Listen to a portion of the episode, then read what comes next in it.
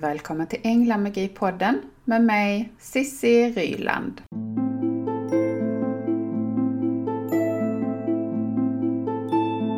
Och det här är avsnitt nummer fem och i det här avsnittet så ska jag prata om bland annat Jungfru Maria.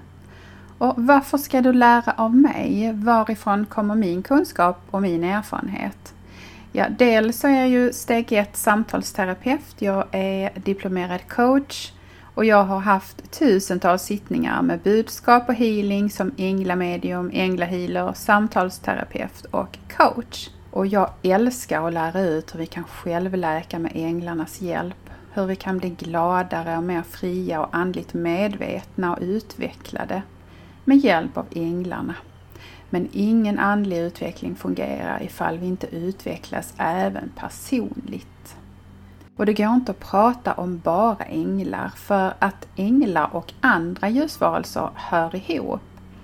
Och alla ljusvarelser finns runt oss och hjälper oss så otroligt mycket. Och med ljusvarelser så menar jag bland annat ärkeänglarna, uppstigna mästare, gudar och gudinnor. Och alla finns där för ditt allra högsta bästa. Alla ljusvarelser. Och vad jag menar jag med det? Jo, under hundratals och tusentals år så har vi blivit matade med villfarelsen att det är bara den eller den guden eller den gudinnan som finns. Eller den där speciella ljusvarelsen. Men det stämmer alltså inte. Det är bara en illusion. Alla finns och alla är energier alla änglar, alla energier har olika slags energier, likt, man kan säga likt våra fingeravtryck. Precis som du och jag har helt olika energier. Även om vissa energier såklart liknar andras energier.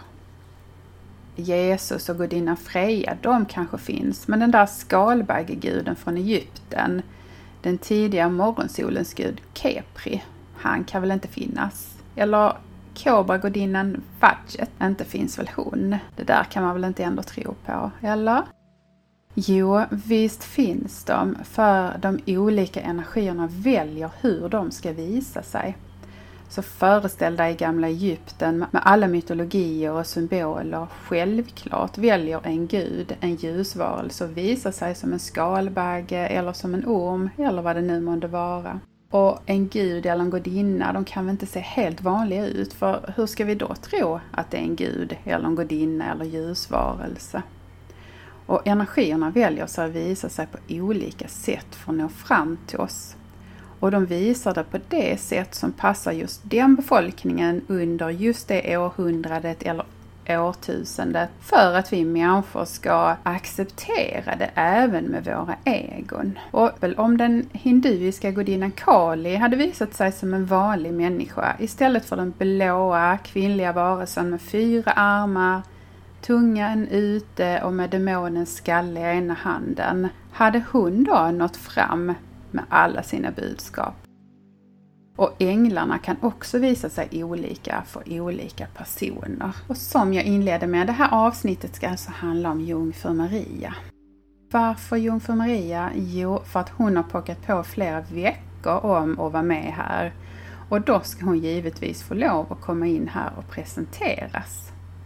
Jungfru Maria kallas ju också Moder Maria, den stora modern, allas stora moder. Hon vibrerar i samma höga frekvens som ärkeänglarna gör och hon är ljusvarelser precis som alla ärkeänglarna är. Och hon tillhör också det kollektiva medvetandet och kan befinna sig på olika platser samtidigt. Och hon, liksom ärkeänglarna, är bara en tanke bort. Hon kommer direkt när vi ber henne komma, när vi ber henne om hjälp. Och jag vill här tillägga att det är inte alls som vissa personer påstår att vi måste kalla på änglarna, eller i det här fallet Moder Maria, högt för att vi ska höras eftersom alla ljusvarelser har så mycket att göra just nu. Det stämmer inte. Och inte heller behöver vi rabbla olika ord eller fraser för att de ska komma. Och det är en myt, så låt dig inte förledas av den informationen. Så som sagt, det räcker med att be dem komma, så kommer de. Sen är det ju alltid så att vi kan känna deras närvaro mycket lättare när vi är i stillhet. Jag jobbar mycket med Moder Maria i mitt arbete och med mig själv. Hon kommer väldigt ofta i sessioner jag har haft och på mina utbildningar. Hon kommer varje gång då det är ett inre barn som behöver läkas. Vad menar jag med inre barn? Ja, det här är någonting som jag verkligen brinner för. För att jag har sett under årens lopp hur otroligt effektivt och läkande det är med inre barnterapi med hjälp av ljusvarelserna. Så allting finns ju och alla åldrar finns inom oss. Så när vi växer upp så har vi med oss olika saker från barndomen, obehagliga händelser eller mönster och präglingar. Och när barnet, som är vi, råkar ut för händelser så präglar vi då olika beteenden och känslor på och i oss själva. Och när de här olika känslorna som är förknippade med olika händelser från vår barndom blir triggade så kan man säga att det inre barnet kidnappar oss. Det vill säga, det tar över hela vårt känslosystem. Och ifall vi inte har lärt oss stänga av från barnets behov inom oss, vilket ju inte heller är alls bra. Vi stänger in känslorna i kroppen och våra känslor måste ut på något sätt så kanske väljer vi i någon ålder att vi inte får lov att gråta, vilket gör att vi kanske istället visar ilska när ett inre barn blir triggat av olika händelser. Och vad är det för här händelser jag pratar om? Så det är olika sorters uppväxt och ofta handlar det om trauman. Merparten av mina klienter och deltagare har varit med om olika former av trauman trauman som vi har kapslat in i våra kroppar för att de är för outhärdliga att bära. Och speciellt och specifikt om trauman ska jag prata om i ett senare poddavsnitt. Jag har ju själv blivit traumatiserad som barn, därför brinner jag för att befria människor från just trauman. För att jag vet att det går att bli fria från trauman. Om vi tänker oss vår uppväxt nu. Vad är ett barns största drivkraft? Jo, det är att överleva. Vi har ju kommit till jorden för att leva och då behöver vi ju överleva. Och för att barnet ska överleva så behöver det närhet och kärlek förutom mat och sömn. Och barnet ser till att få de här grundläggande behoven tillgodosedda genom att anpassa sig. Och det är i den här anpassningen som vi skapar våra mönster, våra präglingar och delar av oss som vad vi tror är vår personlighet. Och varför tror vi att det är vår personlighet? Jo, för att det sitter så otroligt hårt i oss. Vi har levt med de här präglingarna så länge att vi har köpt dem som en del av det är så här jag är. Och ju tidigare vi råkar ut för obehagliga händelser, desto mer påverkar de oss hela livet så länge vi inte går inåt och jobbar med oss själva och släpper de här präglingarna. Forskare och psykologer säger ju att den största delen av vår personlighet grundläggs mellan vi är 0 till 3 år. Nu tänkte jag ge tre fiktiva exempel som jag har mött så många gånger i verkligheten för att du ska förstå vad jag menar med präglingar och mönster. Om vi börjar med exemplet Lena. Som barn hade hon föräldrar som hela tiden var stressade. Och för att Lena skulle få kärlek och uppmärksamhet och där med överleva, om vi tar exemplet ovan att barnet alltid strävar efter överlevnad, så märker Lena att hon får mest kärlek när hon hjälper till och inte uttrycker sina egna behov utan finns där som ett stöd och hjälper sina föräldrar hela tiden. När hon uttrycker sina egna behov så ger hon föräldrarna ännu mer att vara stressade över. Att barn är så otroligt bra att känna in det här. Vad ska jag göra för att få mest kärlek? Och föräldrarna uppmuntrar henne och säger att hon är duktig som hjälper till. Och när jag då möter Lena som vuxen så är hon en stressad kvinna. Ofta har hon haft minst en utmattningsdepression för att hon har lärt sig att hon måste hålla igång och göra saker hela tiden för att få kärlek. Hon ofta är helt omedveten om varför hon gör det. Och Lenas inre barn, det är så starkt och envist inom henne och tar över Lenas sätt att vara. Så hon bär omedvetet på tron att om hon sitter ner en längre stund och vilar så duger hon inte. Hon får ingen kärlek. Och i förlängningen så överlever hon alltså inte i och med att i kärleken så får vi närhet, mat och sömn.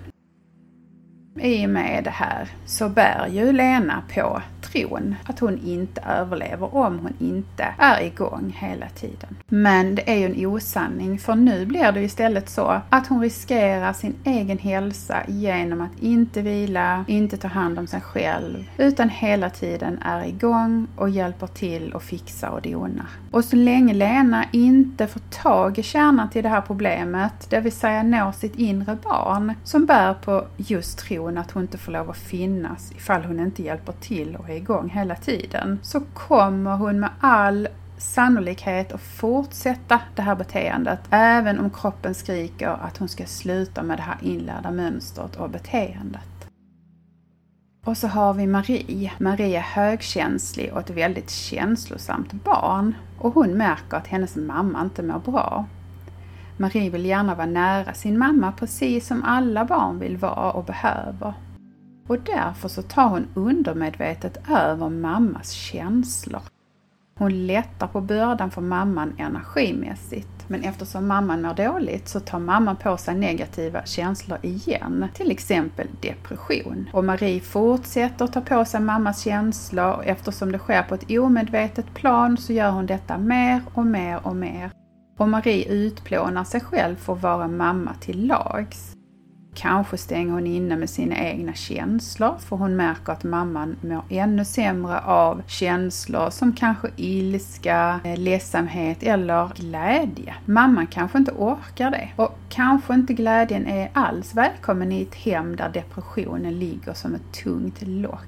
Och när Marie kommer upp i tonåring så är det inte ovanligt att hon blir deprimerad. Hon har gjort allt för att urholka sig själv och den hon är och depressionen som hon bär behöver inte ens vara hennes eget utan det är hennes mammas. Och när hon växer upp så gör hon samma sak med andra personer som kommer henne nära och som hon tycker om. Hon lättar deras dåliga mående och lägger den tunga energin på sig själv. Och det är inte förrän hon får syn på sitt beteende och ser vad som är hennes eget och vad som är andras och inser sitt eget mönster som hon på allvar kan bli fri och sig själv igen. Och då kan hon hitta glädjen och finna glädjen i att vara sig själv och utan att ta över andras mående. Och så har vi Eva. Hon blir pushad till att vara duktig. Hela tiden pushar föräldrarna henne och peppar henne hon ska vara duktig. Helst ska hon vinna en massa tävlingar. Och hon får hela tiden budskapet antingen direkt eller indirekt att om hon inte är bäst så gör hon föräldrarna besvikna. För varje seger får hon massor av kärlek och uppmuntran och för varje förlust så blir hon avvisad, föräldrarna blir arga eller ledsna eller vänder henne ryggen rent känslomässigt. Hon får en känsla av övergivenhet inom sig. Så Eva drivs av prestation. Och för allt blir Eva en tävling, antingen medvetet eller undermedvetet. Och hon kan göra allt inklusive att riskera sin hälsa för att prestera, för att vinna. Men beteendet får henne sjuk, så när hon kommer till mig som vuxen så är hon ofta deprimerad, utmattad och kroppen har diffusa symptom på värk. Hon blir ju aldrig nöjd med sin prestation för hela tiden kommer nya så kallade tävlingar som hon måste klara av. Hon kanske får prestationsångest som är så svår för att ett inre barn tror att hon ska dö om hon inte vinner. Och det här är bara tre av hundratals exempel på vad som sker i oss när vi växer upp och hur det sen styr oss genom hela våra liv ifall vi inte får syn på det och läker det inre barnet. Och det här är ju tre extrema exempel men du kanske känner igen delar av det. Och du har säkert andra drivkrafter från din uppväxt som du drivs av. Men genom att få syn på de här mönstren och ursprunget till dem så går det att bli fri. Då drivs vi istället av glädje och passion och vi kan leva i kärlek utan ångest och utan rädslor.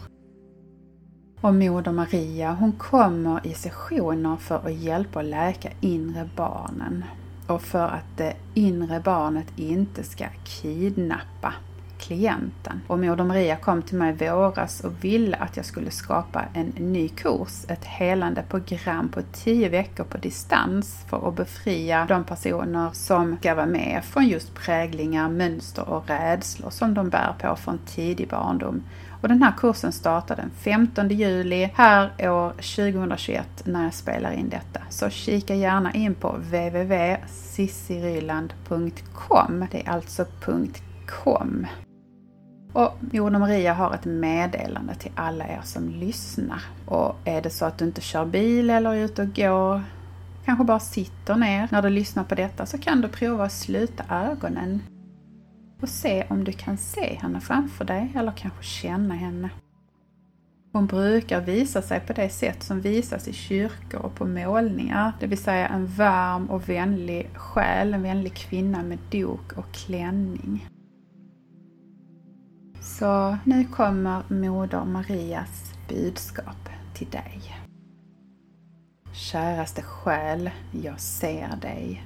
Jag känner dig. Jag är med dig alla dagar. Jag önskar att du såg ditt värde lika starkt och klart som jag ser det. Det som en gång sades och gjordes mot dig gjordes i rent oförstånd. Det har ingenting med ditt värde att göra. Försök att se dig med mer kärleksfulla ögon, så som en gudomlig moder gör. Utan brister och utan fel. Bara alldeles fullkomlig, som ett barn av Gud. Jag ser såren som du bär från detta livet och tidigare liv. Men vet att du kan bli fri. Du kan bli befriad från dina bördor och dina bojor. När du börjar ta hand om dig så kan du göra dig fri från de mönster som har hållit dig fängslad i så många år.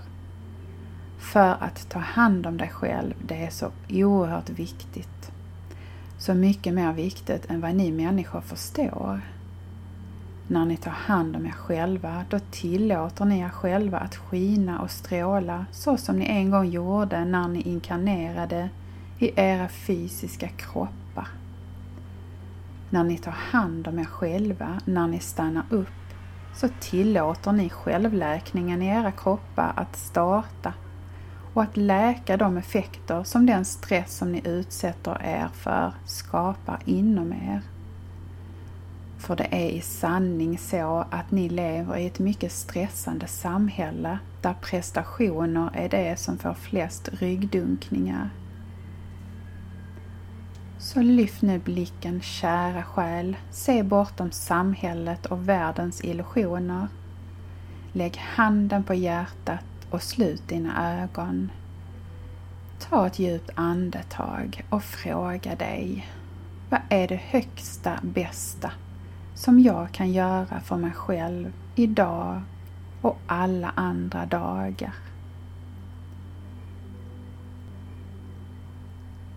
I kärlek, allas Moder Maria. Och jag, Sissi, tackar för idag. Välkomnar dig in att kika på min hemsida www.sissiryland.com och min Facebook-sida Sissi Ryland Sverige och min Youtube-kanal Sissi Engla Inspiratör.